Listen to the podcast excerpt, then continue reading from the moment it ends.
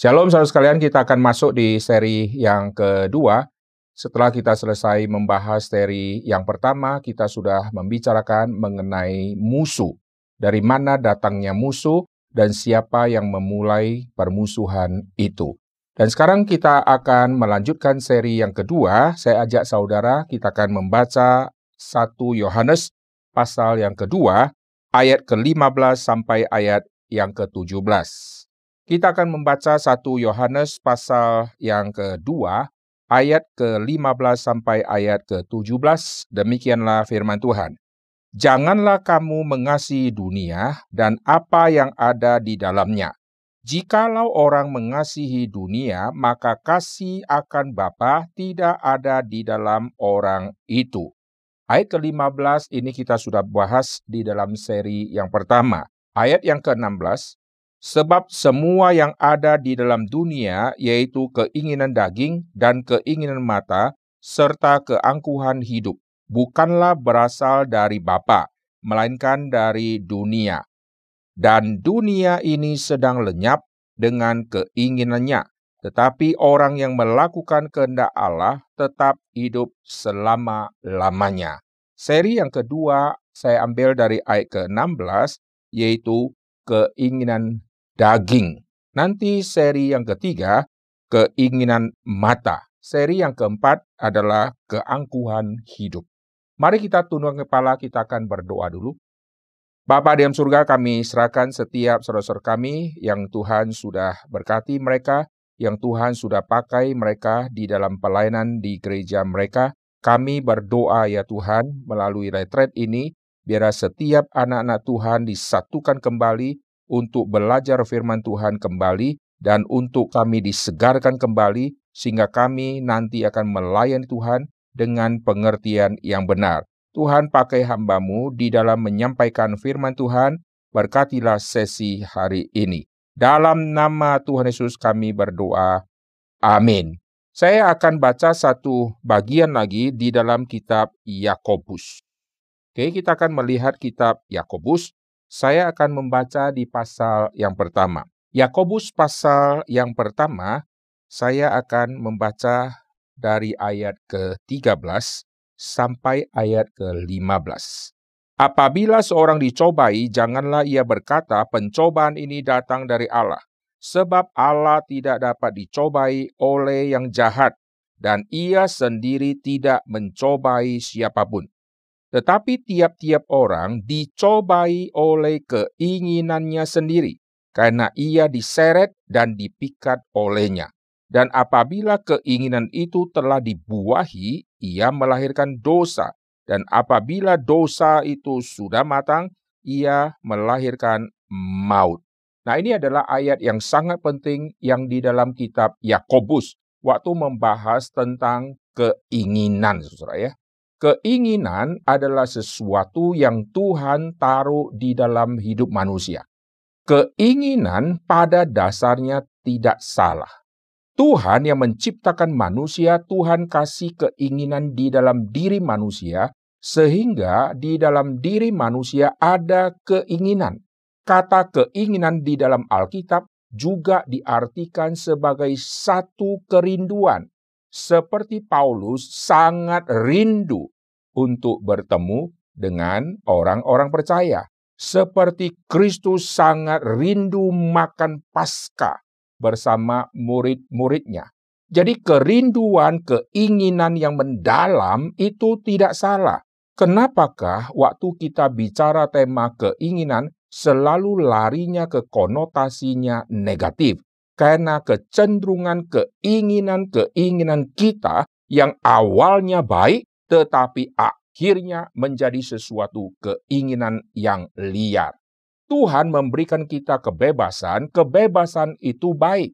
Tapi kebebasan yang Tuhan sudah berikan kepada manusia, akhirnya manusia gunakan secara salah dan akhirnya manusia menggunakan kebebasan untuk melawan Tuhan manusia gunakan kebebasan untuk kenikmatan diri sendiri. Manusia menggunakan semuanya itu sesuka-sukanya, akhirnya di luar hukum Tuhan. Manusia melanggar hukum Tuhan dan tidak lagi hidup di dalam hukum Tuhan, karena manusia menjadi bebas dan liar. Keinginan yang Tuhan taruh di dalam hati manusia sejak manusia dilahirkan ke dalam dunia, ini adalah keinginan yang baik, yaitu keinginan yang netral. Tetapi karena semua bayi yang dilahirkan itu adalah berstatus dosa, dia adalah anak orang berdosa, maka setelah sampai waktunya dia akan berbuat dosa. Karena status dosa dari seorang anak yang dilahirkan, sekarang dia akan berbuat dosa. Waktu dia berbuat dosa dimulai dari apa? Dimulai dari menggunakan kebebasan yang Tuhan kasih kepada dia. Dia bisa bebas untuk melakukan apa pun, tapi hanya dia pilih untuk melakukan yang jahat. Dia diberikan keinginan, bisa mendapatkan banyak, tetapi akhirnya keinginan dia dia gunakan secara semena-mena, akhirnya menjadi dosa, saudara. Jadi keinginan itu kalau dibuahi. Mari kita lihat Yakobus pasal yang pertama, ayat yang ke-14. Tetapi tiap-tiap orang dicobai oleh keinginannya sendiri, karena ia diseret dan dipikat olehnya. Dan apabila keinginan itu telah dibuahi. Nah, sekarang kita kembali untuk melihat seorang anak yang dilahirkan. Seorang anak yang dilahirkan, dia adalah anak yang begitu polos, anak yang tidak tahu melawan orang tua, bahkan tidak kenal siapa orang tuanya. Anak ini adalah anak yang dilahirkan dalam satu keluarga, ayah dan ibu. Dan anak ini disebut anak orang berdosa. Dan dia dilahirkan di dalam status dosa. Tetapi dia belum berbuat perbuatan dosa. Oleh sebab itu, karena dia berstatus dosa, nanti kecenderungan hidupnya setelah dia besar, dia mulai akan melakukan dosa.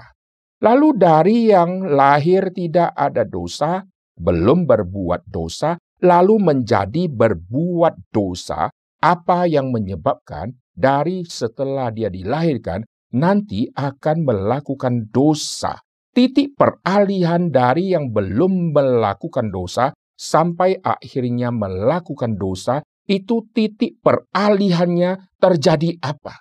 Yakobus mencatat demikian. Tiap-tiap orang dicobai oleh keinginannya sendiri. Jadi ada keinginan di dalam diri yang digunakan secara salah. Tiap-tiap orang yang mempunyai keinginan di dalam diri ini akhirnya digunakan secara salah. Waktu digunakan secara salah, maka muncullah yang namanya iri hati. Saya ingin mainan dari koko saya. Saya ingin mainan dari kakak saya. Kenapa dia dapat yang lebih besar? Kenapa saya dapat yang lebih kecil? Padahal ayah sudah kasih saya juga mainan, tapi terlalu kecil. Yang koko atau cece itu dapat yang lebih besar maka keinginan di dalam diri sekarang mulai bekerja. Kenapa punya saya dapat kecil? Saya juga mau ambil yang besar. Nah, keinginan ini dituruti oleh si anak atau dibuahi oleh si anak, maka keinginan ini akhirnya akan menjadi dosa. Keinginan manusia awalnya baik. Manusia ingin makan, baik. Karena Tuhan menciptakan manusia harus makan. Kalau tidak ada keinginan makan, manusia sampai hari ini tidak tahu jam berapa harus makan. Tapi karena ada keinginan makan, keinginan minum, maka manusia makan, maka manusia minum. Ada keinginan untuk tidur, maka manusia bisa beristirahat. Coba bayangkan, hidup kita tidak ada keinginan untuk tidur. Sepanjang hari mata kita melek dan tidak ada keinginan untuk tidur.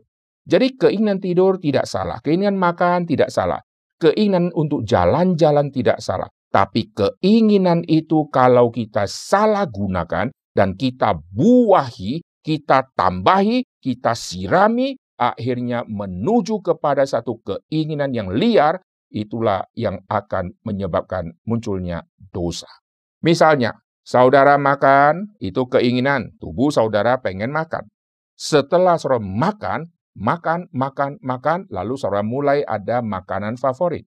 Makanan favorit saudara, saudara ada list misalnya lima jenis makanan. Setelah saudara makan makanan favorit itu, saudara mulai bisa membedakan mana makanan yang saudara dulu pernah konsumsi dan itu tidak enak dan sekarang inilah makanan yang saudara ambil keputusan inilah makanan terenak. Lalu karena saudara sudah mencicipi yang enak dan sudah jadikan makanan itu makanan favorit, lalu keinginan untuk makan itu terus muncul secara berkala. Contoh, setelah saudara makan, saudara punya rencana setiap hari Sabtu saya mau ke sini untuk makan lagi. Saya mau beli makanan itu lagi. Ini keinginan yang akhirnya dibuat jadwal. Yaitu setiap hari apa saya akan makan makanan itu. Ini masih lumrah. Nanti keinginan ini akan terus berkembang menjadi liar, nanti menuju kepada kalau saya tidak makan makanan itu, saya akan marah. Nah, mulai. Kalau saya tidak makan makanan itu, maka saya akan berontak. Saya harus dapatkan makanan itu malam hari ini juga. Akhirnya kita punya keinginan menjadi liar. Dan keinginan yang sudah liar ini yang sudah dibuahi akhirnya menimbulkan semua keinginan untuk mendapatkan makanan itu pada hari itu juga. Ini yang bahaya, saudara. Saudara punya keinginan untuk tidur, bagus. Tetapi setelah saudara tidur, saudara keterusan terus bermalas-malasan di ranjang, di kasur, saudara tidak mau bangun-bangun, dan hampir setiap hari saudara lakukan hal yang sama. Sehingga banyak tugas yang saudara tidak kerjakan, keinginan untuk tidur, lalu dibuahi, akhirnya menjadi keinginan yang liar. Belum saatnya tidur, engkau tidur. Saatnya engkau tidur, engkau tidak tidur. Ini keinginan yang liar. Saya kasih contoh. Jikalau saudara mau datang ke kebaktian, saudara lebih baik tidur sebentar. Lalu datang ke gereja, itu saatnya melek, saatnya dengarkan firman Tuhan. Saatnya saudara harus tidur dulu di rumah, saudara tidak tidur. Malah saudara main game.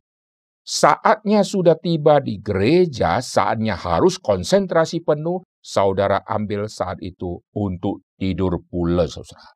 Ini keinginan tidur yang salah. Saya akan ajak saudara melihat contoh keinginan tidur yang salah. Di dalam Markus pasal yang ke-14. Mari kita lihat Markus pasal yang ke-14. Markus pasal yang ke-14 di dalam Alkitab di ayat ke-32, LAI kasih judul di Taman Getsemani. Di tema Taman Getsemani itulah muncul kalimat begini. Saya akan bacakan di ayat ke-38. Markus pasal 14 ayat ke-38. Berjaga-jagalah dan berdoalah supaya kamu jangan jatuh ke dalam pencobaan. Roh memang penurut, tetapi daging lemah. Ini semua di dalam tema Taman Getsemani.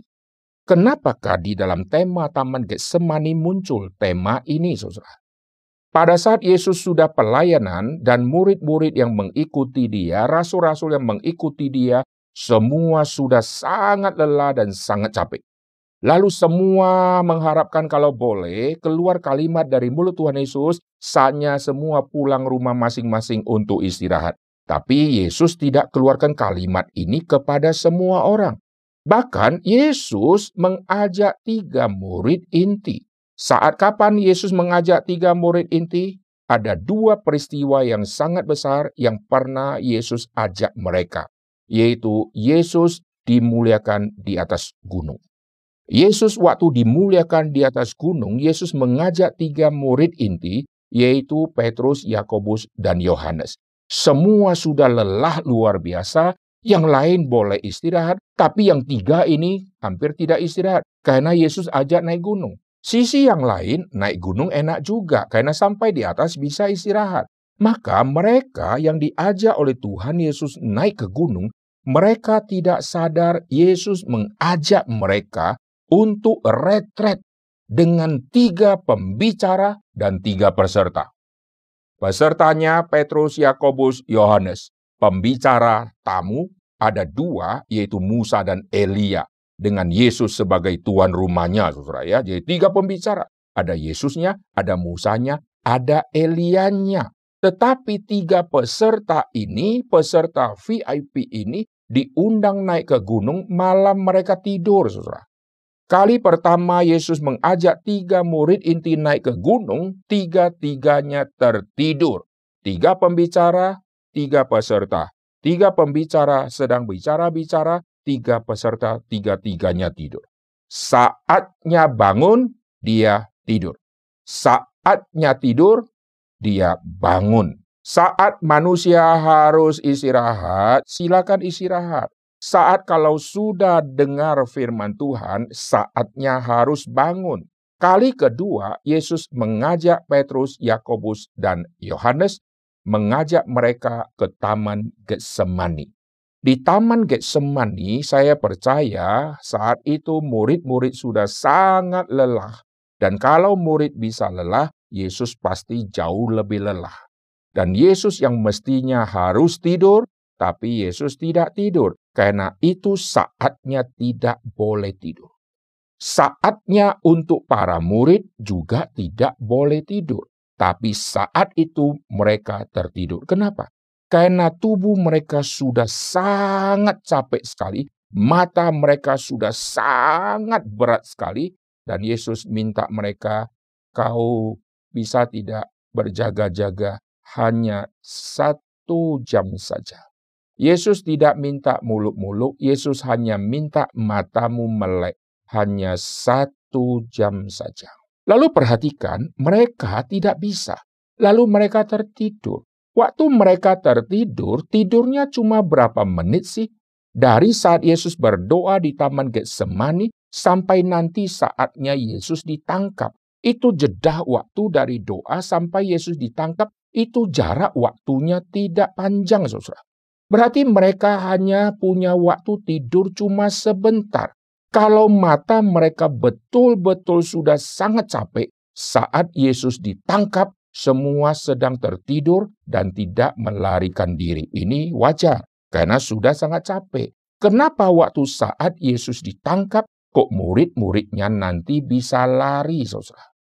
Waktu murid-murid Yesus bisa lari, berarti saatnya mereka tadi harus tidur, sekarang malah mereka sudah terbangun, saudara. Oh, Petrus bangun dengan kekuatan yang luar biasa. Malah dia punya pedang, lalu dia potong kuping seseorang di situ. Berarti masih segar, saudara. Jadi yang membuat mereka tidur itu apa? Yaitu mereka tidak bisa mengendalikan keinginan mereka. Keinginan mereka memang capek dan ingin tidur. Tapi saat itu Yesus kasih perintah. Maka kalau Yesus kasih perintah, mereka harus lebih taat kepada perintah Yesus daripada mereka tertidur. Tuhan melatih murid seperti melatih para prajurit.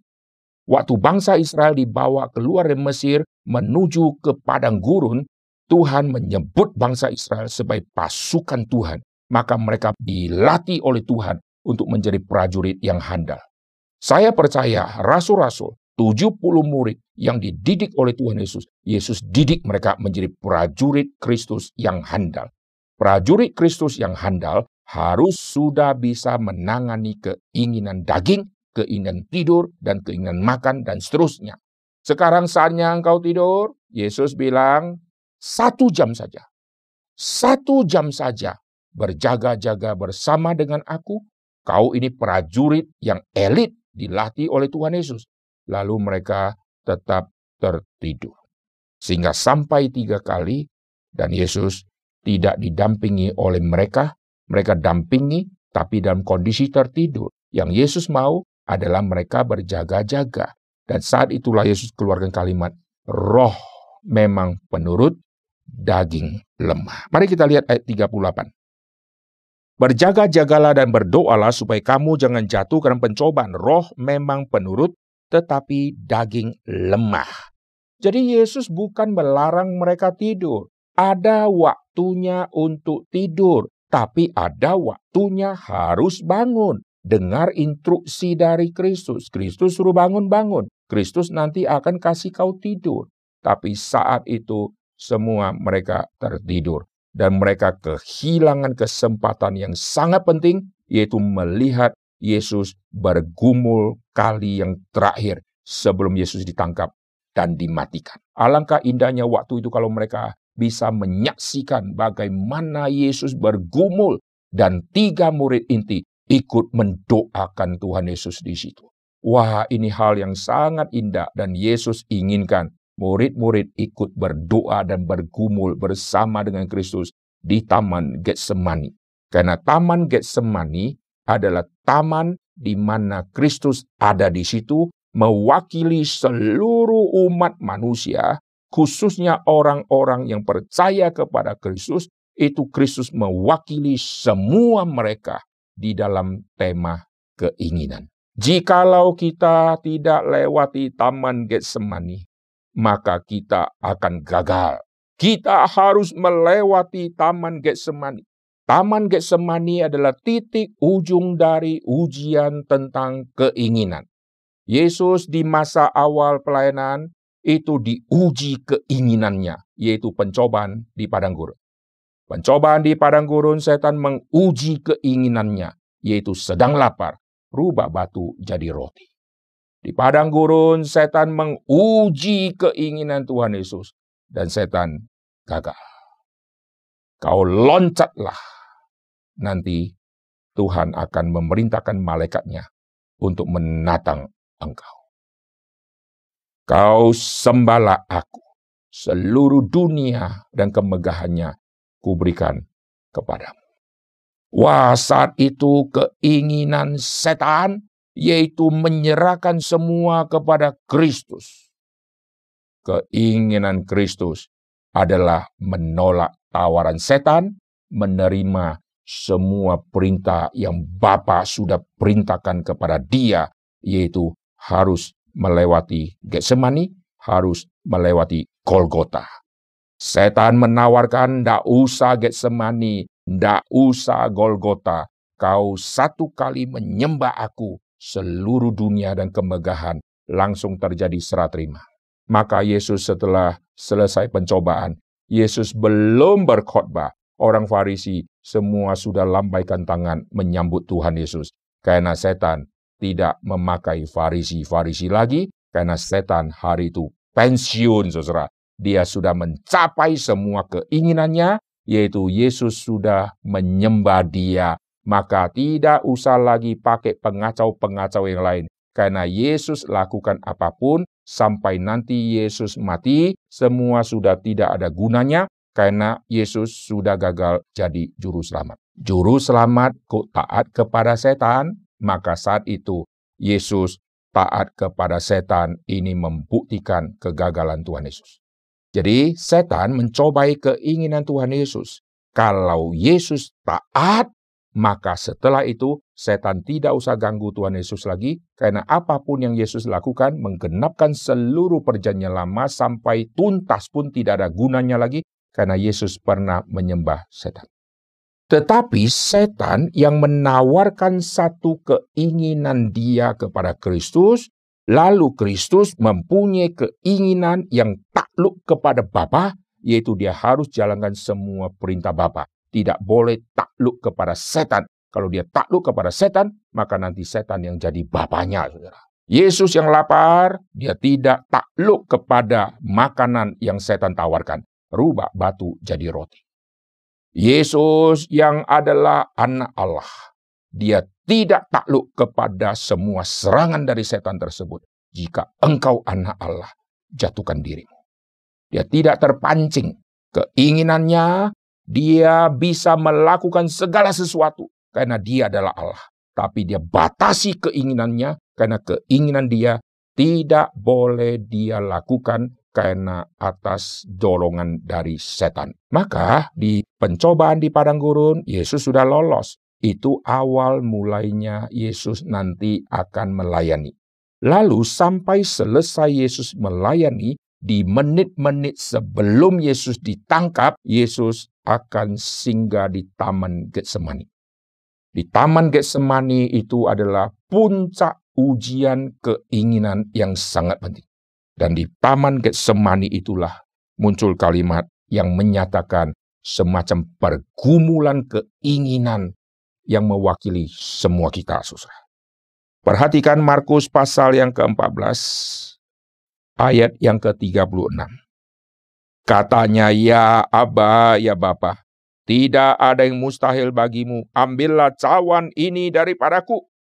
Tetapi janganlah apa yang aku kehendaki, melainkan apa yang engkau kehendaki. Ini pergumulan antara keinginan diri, kalau bisa cawan ini lalu daripadaku, ini semua pergumulan kita, saudara. Setiap kali kita alami kesulitan, kita ingin Tuhan cepat-cepat selesaikan hal ini. Lepaskan ini daripadaku. Orang yang sudah sakit parah, langsung cepat berdoa, Tuhan ambil nyawaku sekarang. Orang yang lagi patah hati, putus cinta, Tuhan kalau bisa ambil nyawa orang lain. Ini terbalik, saudara. Kalau lagi patah hati, dia minta Tuhan ambil nyawa dari orang yang berani merebut pacarku. Tapi kalau orang tersebut sedang sakit keras, dia tidak berdoa, Tuhan ambillah nyawa dokter yang merawat aku. Dia berdoa, Tuhan ambillah nyawaku sekarang, supaya aku tidak usah bayar tagihan sekaligus, saudara ya. Saudara kita lihat di sini, di Taman Getsemani itu, itu adalah titik yang sangat penting, titik yang sangat menentukan karena sisa berapa langkah lagi akan menuju ke Golgota. Taman Getsemani dengan Golgota tidak begitu jauh. Taman Getsemani lalu akan menuju ke tempat penangkapan dan akan terjadi pemenjaraan di situ, akan terjadi pengadilan di situ, lalu akan menuju ke Golgota. Itu sudah tidak jauh, saudara. Saudara perhatikan, ini pergumulan Yesus yang begitu berat. Yesus ingin tiga murid inti ikut bergumul bersama-sama, tetapi mereka semua gagal. Roh penurut, daging lemah. Dan di saat pergumulan itulah Yesus menyatakan cara menaklukkan keinginan yang sejati, yaitu bukan keinginanku, bukan kehendakku, tapi kehendak Bapa di surga. Setiap orang mempunyai keinginan.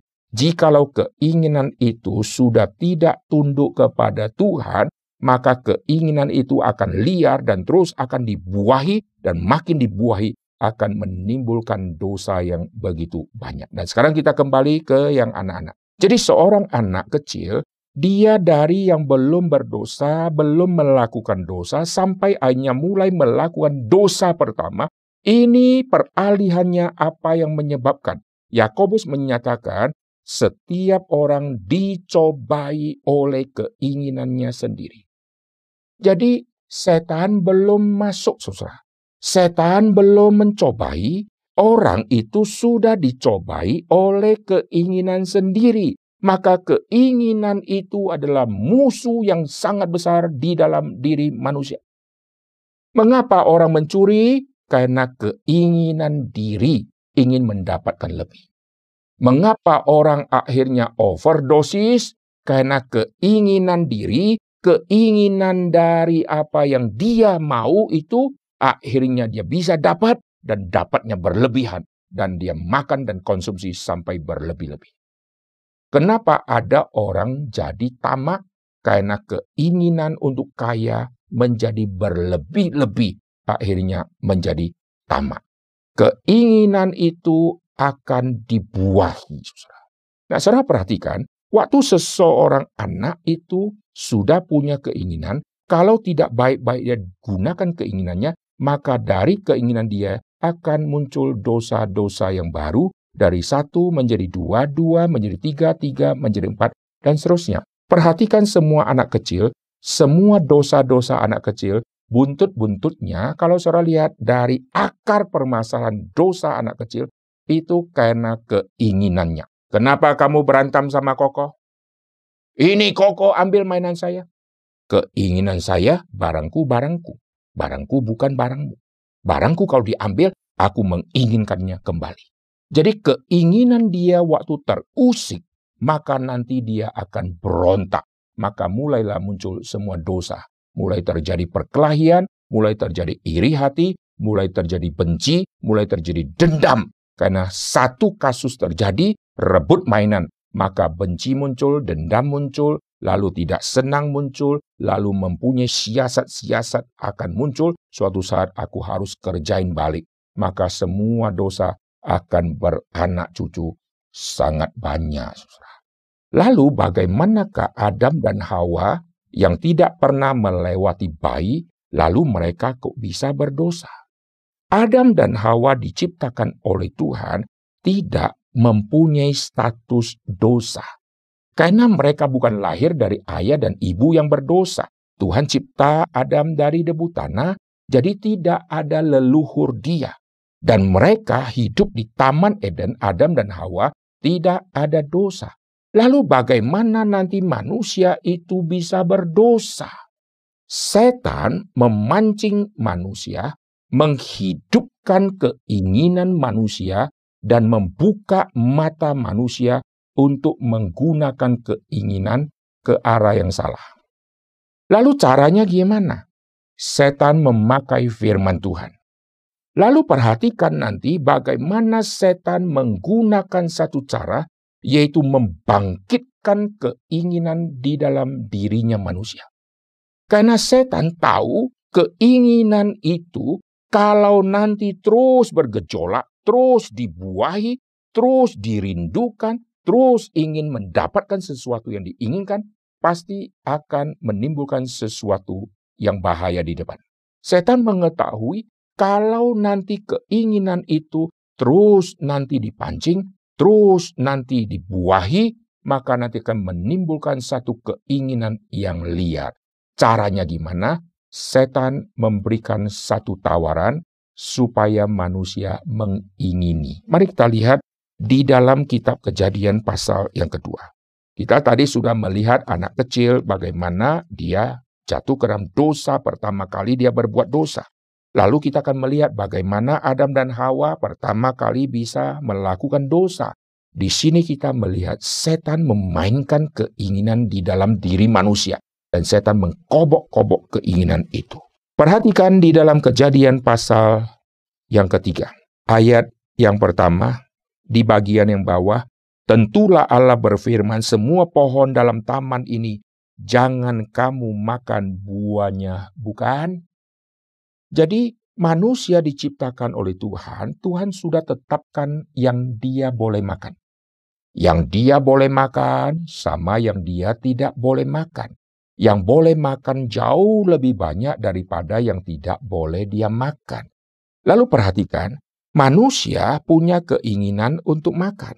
Waktu manusia punya keinginan makan, maka dia makan seturut dengan apa yang Tuhan kasih petunjuk maka dia makan buah A, buah B, buah C, dan seterusnya. Lalu misalnya buah Z itu tidak boleh dimakan. Maka keinginan dia hanya makan sesuatu yang Tuhan izinkan. Di dalam dirinya mungkin tidak pernah kepikir sama sekali untuk mencobai yang satu itu. Kenapa?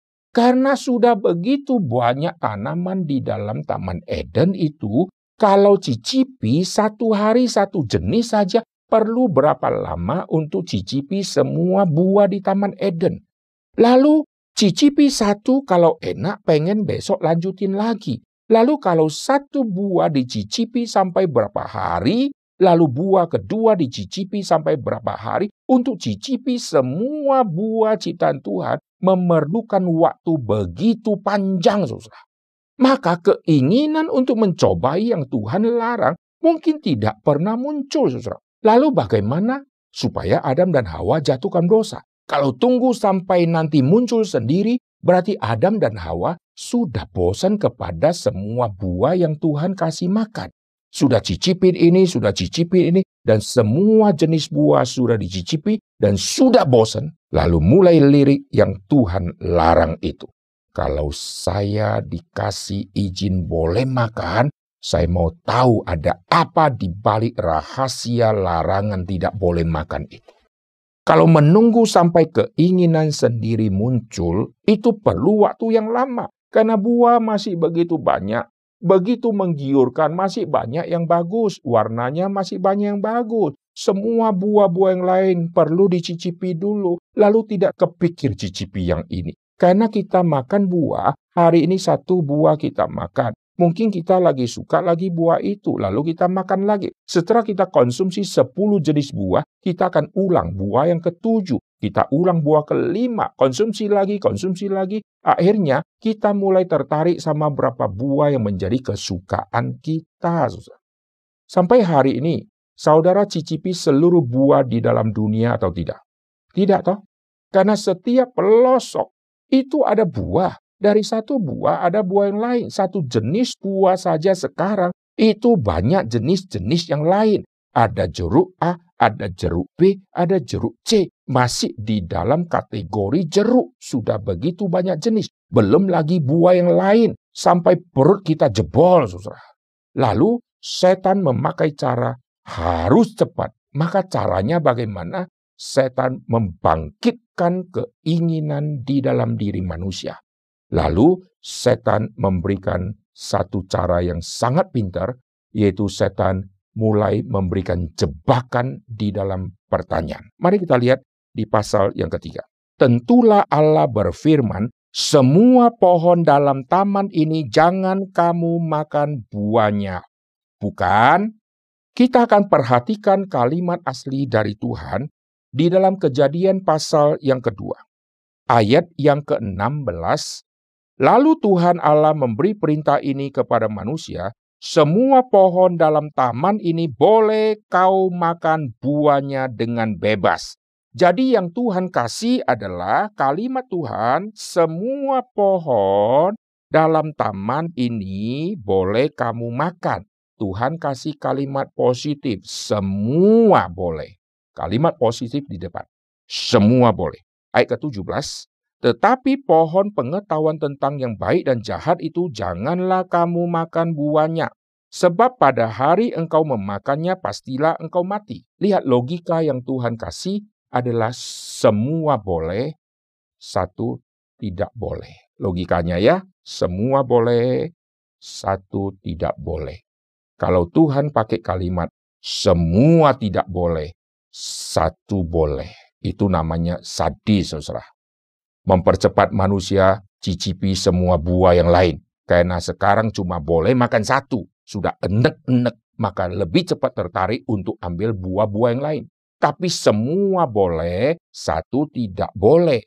Maka kemungkinan untuk makan yang tidak boleh ini pasti menunggu waktu yang sangat lama. Keinginan ini perlu muncul dulu. Kalau muncul berarti mesti sudah konsumsi semua buah dulu setan merubah kalimat yang positif tadi, yaitu semua buah dalam taman ini boleh kamu makan yang positif. Baru keluar yang negatif, hanya satu yang tidak boleh. Setan merubah menjadi kalimat begini. Mari kita lihat pasal yang ketiga.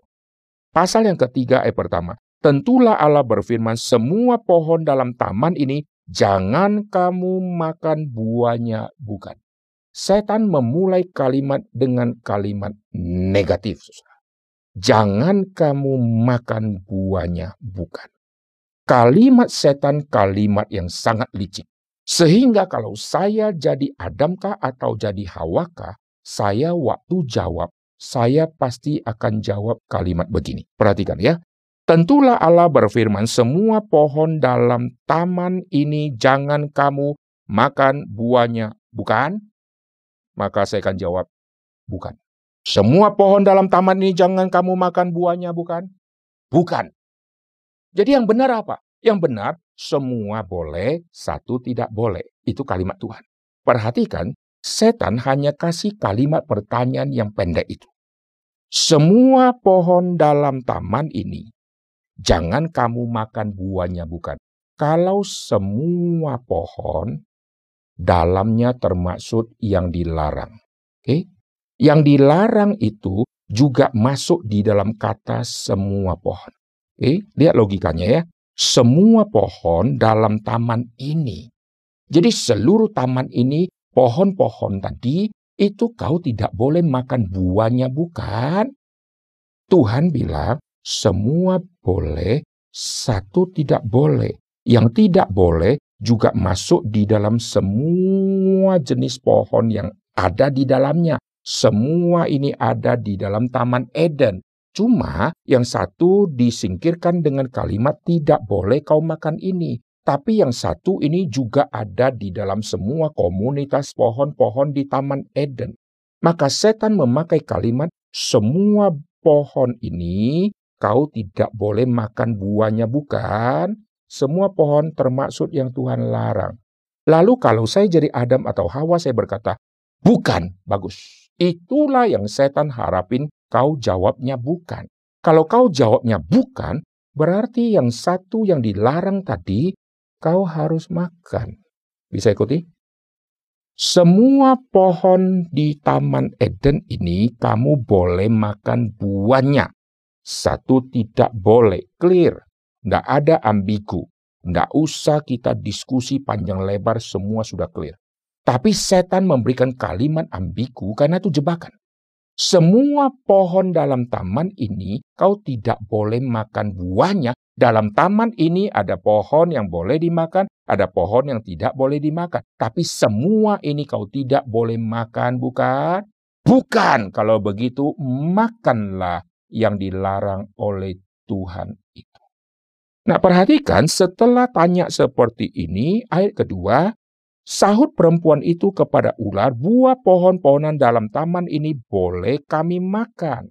Tetapi buah pohon yang ada di tengah-tengah taman, Allah berfirman, jangan kamu makan atau raba buah itu nanti kamu mati.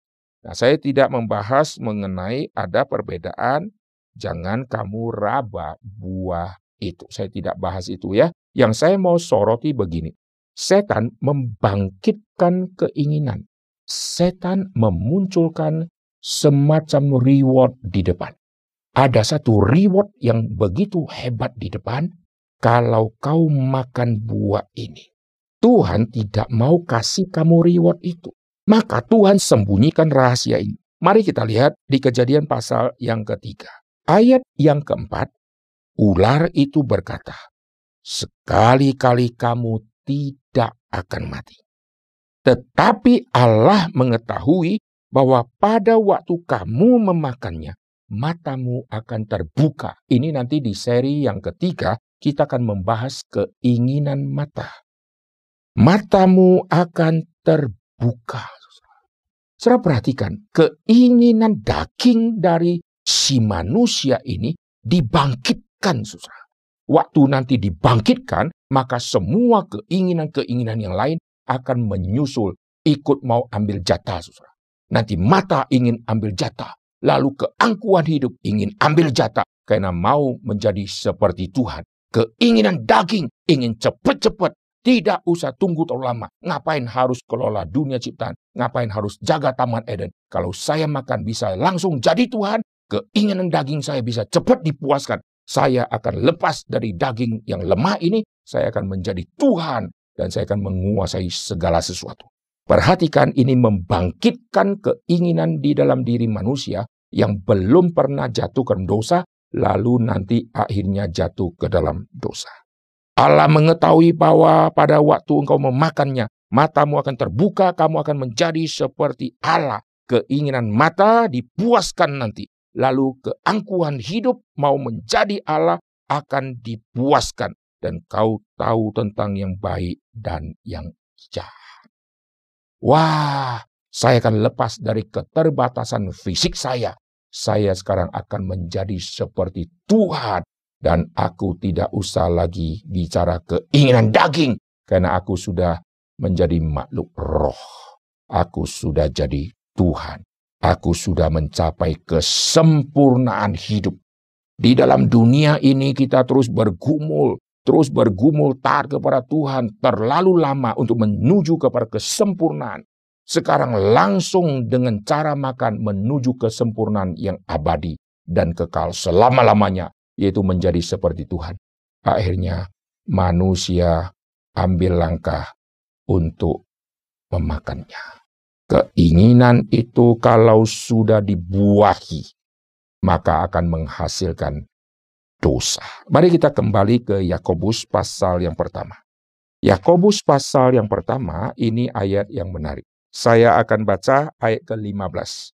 Apabila keinginan itu telah dibuahi, ia melahirkan dosa.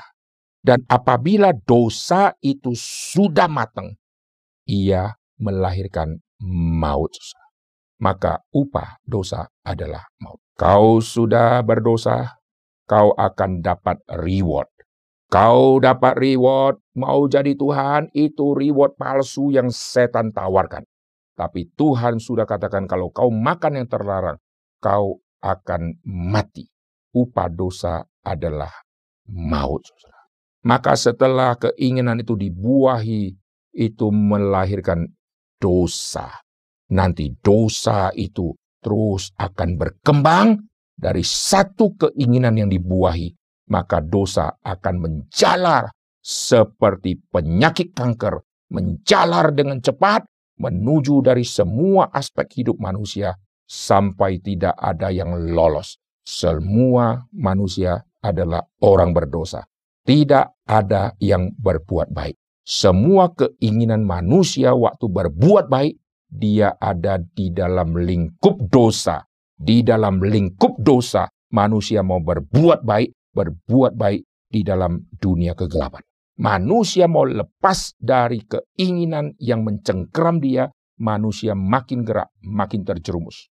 Seperti ada di lumpur yang hidup, manusia makin goyang, makin goyang, makin tenggelam, makin tenggelam, makin tenggelam, makin tenggelam.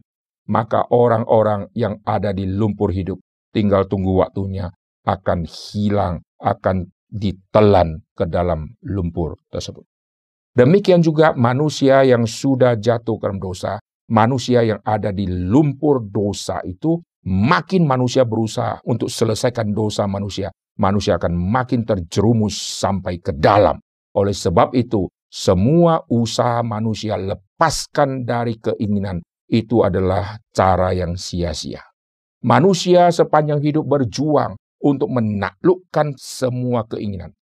Kalau dia suka makan, maka dia lawan, saya tidak mau makan, saya mau diet. Akhirnya hanya makan satu buah saja. Misalnya satu apel saja, satu hari satu apel. Saya mau lawan keinginan makanku. Akhirnya tubuhnya kurus kering, saudara. Lebih ekstrim lagi, saya akan lawan tubuhku dari suka makan menjadi tidak makan. Saya akan bertapa di gunung satu bulan tidak makan dan tidak minum. Lalu manusia melawan keinginannya. Saya dulu suka pesta pora. Mulai hari ini saya akan mengunci pintu. Saya tidak akan keluar rumah. Saya akan tinggal di satu kamar dan saya tidak mau bergaul sama dunia luar. Saya mematikan TV, tidak ada TV lagi, tidak ada handphone lagi, dan saya akan semedi. Dan saya akan menyatu dengan alam, dan saya tidak lagi mau diikat oleh keinginan dunia. Dan lebih heran lagi, manusia yang mau lepas dari semua kenikmatan dunia, manusia mengambil langkah bunuh diri. Ini semua cara-cara yang sia-sia, manusia tidak mungkin bisa lepaskan. Dan Alkitab memakai satu istilah. Kita punya daging disalibkan bersama dengan Kristus.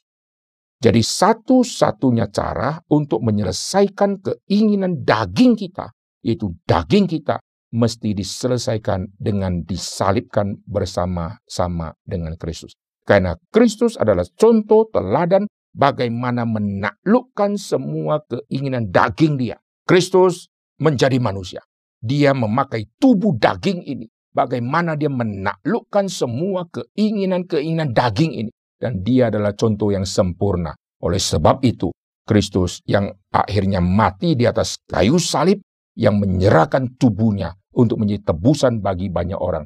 Supaya kita yang hidup di dalam keinginan daging yang berdosa itu, daging kita ikut mati bersama dengan Kristus. Sehingga daging kita disalibkan bersama dengan Kristus, dan kita yang disalibkan bersama Kristus, kita akan bangkit bersama dengan Kristus. Maka setelah manusia diselamatkan, kita disebut ciptaan yang baru. Nah, kalau saya disebut ciptaan yang baru, maka saya harus hidup di dalam ciptaan yang baru itu. Dengan Kristus yang adalah Tuhanku, dengan Kristus yang sudah membebaskan aku, dengan keinginan dagingku yang sudah dimatikan. Tapi karena kita masih ada di dalam dunia yang berdosa ini, Di seri pertama saya sudah kasih contoh seperti babi dari hutan yang diambil dari tempat kubangan, lalu dibawa pulang, dimandikan, dikasih baju yang bagus, dikasih semua parfum yang bagus. Suatu saat dibawa kembali lagi di tempat kubangan, dia akan kembali berkubang di situ. Manusia di dalam dunia ini, kita tidak dibawa lepas tinggalkan dunia ini selama-lamanya, kita diutus kembali ke dalam dunia dan kita berhadapan lagi dengan begitu banyak orang-orang yang adalah kawan-kawan kita di masa-masa dulu waktu kita belum menjadi orang percaya. Kita masih berhadapan dengan begitu banyak tawaran dunia yang pada saat kita belum diselamatkan, kita juga hidup di dalam dunia itu. Dan sekarang kita menyaksikan orang-orang yang dulu dari dunia yang seperti itu, sekarang tetap ada tinggal di dunia seperti itu. Dia tidak pindah rumah, memang rumahnya di situ. Tapi kiri kanan semua penuh dengan kejahatan. Dan saat itu Tuhan menguji dia dengan ujian yang begitu berat. Kalau dulu dia milik dunia, dia bersatu dengan kiri kanan, dia bersatu dengan kejahatan dunia, maka dia kawan baik dari dunia. Tapi sekarang dia sudah milik Kristus, kehadiran dia menjadi dibenci oleh dunia, dan tetangga mulai membenci dia, dan dia dituntut untuk mengasihi tetangganya yang di dalam gelap, untuk memenangkan mereka. Ini kesulitan yang sangat besar. Tetapi inilah tuntutan kekristenan yang Tuhan tuntut, yaitu kau harus bersaksi. Kau harus bersaksi di dalam dunia ini memenangkan mereka yang masih diikat oleh keinginan daging. Sambil memenangkan mereka, kau tidak boleh hidupkan keinginan dagingmu lagi. Kalau kau hidupkan lagi, kau sama dengan dunia. Di dalam kitab Roma pasal ke-12, dunia sudah merubah manusia menjadi serupa dengan dunia. Kita dirubah oleh Tuhan pada saat kita diselamatkan untuk menjadi serupa dengan gambar anaknya atau serupa dengan gambar Kristus. Maka dunia yang sudah merubah manusia serupa dengan dunia, lalu Tuhan merubah manusia itu serupa dengan gambar anaknya, ini terjadi peperangan dua kubu ini, yaitu yang gambar Allah sama gambar dunia. Kita harus menyelamatkan mereka, karena mereka adalah gambar rupa Tuhan yang sudah jatuh ke dalam dosa, yang sudah berubah rupa menjadi rupa dunia. Kita harus membawa mereka kembali karena salib Kristus itulah jalan satu-satunya untuk selesaikan semua keinginan yang terjadi yang menyebabkan dosa-dosa manusia. Keinginan daging itu adalah keinginan yang bertentangan dengan keinginan roh. Keinginan daging ini adalah perseturuan dengan Tuhan. Oleh sebab itu, setiap kita yang sudah menjadi orang Kristen, kita betul-betul harus hidup di dalam pimpinan Roh Kudus dan harus mematikan keinginan daging. Ini adalah pergumulan setiap kita anak-anak Tuhan dari sejak kita diselamatkan sampai kita bertemu muka dengan muka dengan Tuhan saat kita mati. Inilah pergumulan hidup di dunia yang kita harus selalu lewati. Dan setiap kali kita lewati, ingat pergumulan di Taman Getsemani. Jadilah kehendak, bukan kehendakku. Keinginanku ditaklukkan di dalam keinginan Tuhan. Keinginan dagingku dimatikan sehingga aku hidup di dalam keinginan roh. Mari kita berdoa. Bapa di surga kami berterima kasih untuk waktu yang singkat ini. Kami bersyukur untuk catatan Alkitab yang mencelikkan mata rohani kami, sehingga kami mengerti bahwa keinginan-keinginan yang kami miliki akhirnya menyebabkan setiap kami menggunakan keinginan yang salah dan kami akhirnya melakukan kejahatan di hadapan Tuhan. Tuhan ampuni kami, Tuhan pulihkan kami sekali lagi sebagai orang-orang percaya, biar keinginan kami ditaklukkan di bawah keinginan Tuhan. Biar peristiwa Getsemani merupakan peristiwa untuk setiap kami jadikan teladan di dalam hidup kami setiap hari waktu kami bergumul di dalam menggunakan dan menaklukkan keinginan kami. Sehingga sekali lagi hidup kami sungguh-sungguh bisa menjadi berkat. Sungguh-sungguh hidup di dalam keinginan roh. Dan kami menjadi berkat dan kami bisa dipakai oleh Tuhan lebih heran lagi. Dengar doa kami ya Tuhan, dalam nama Tuhan Yesus kami berdoa. Amin. Nanti di seri yang ketiga kita akan membahas keinginan mata. Terima kasih, Tuhan memberkati. Shalom.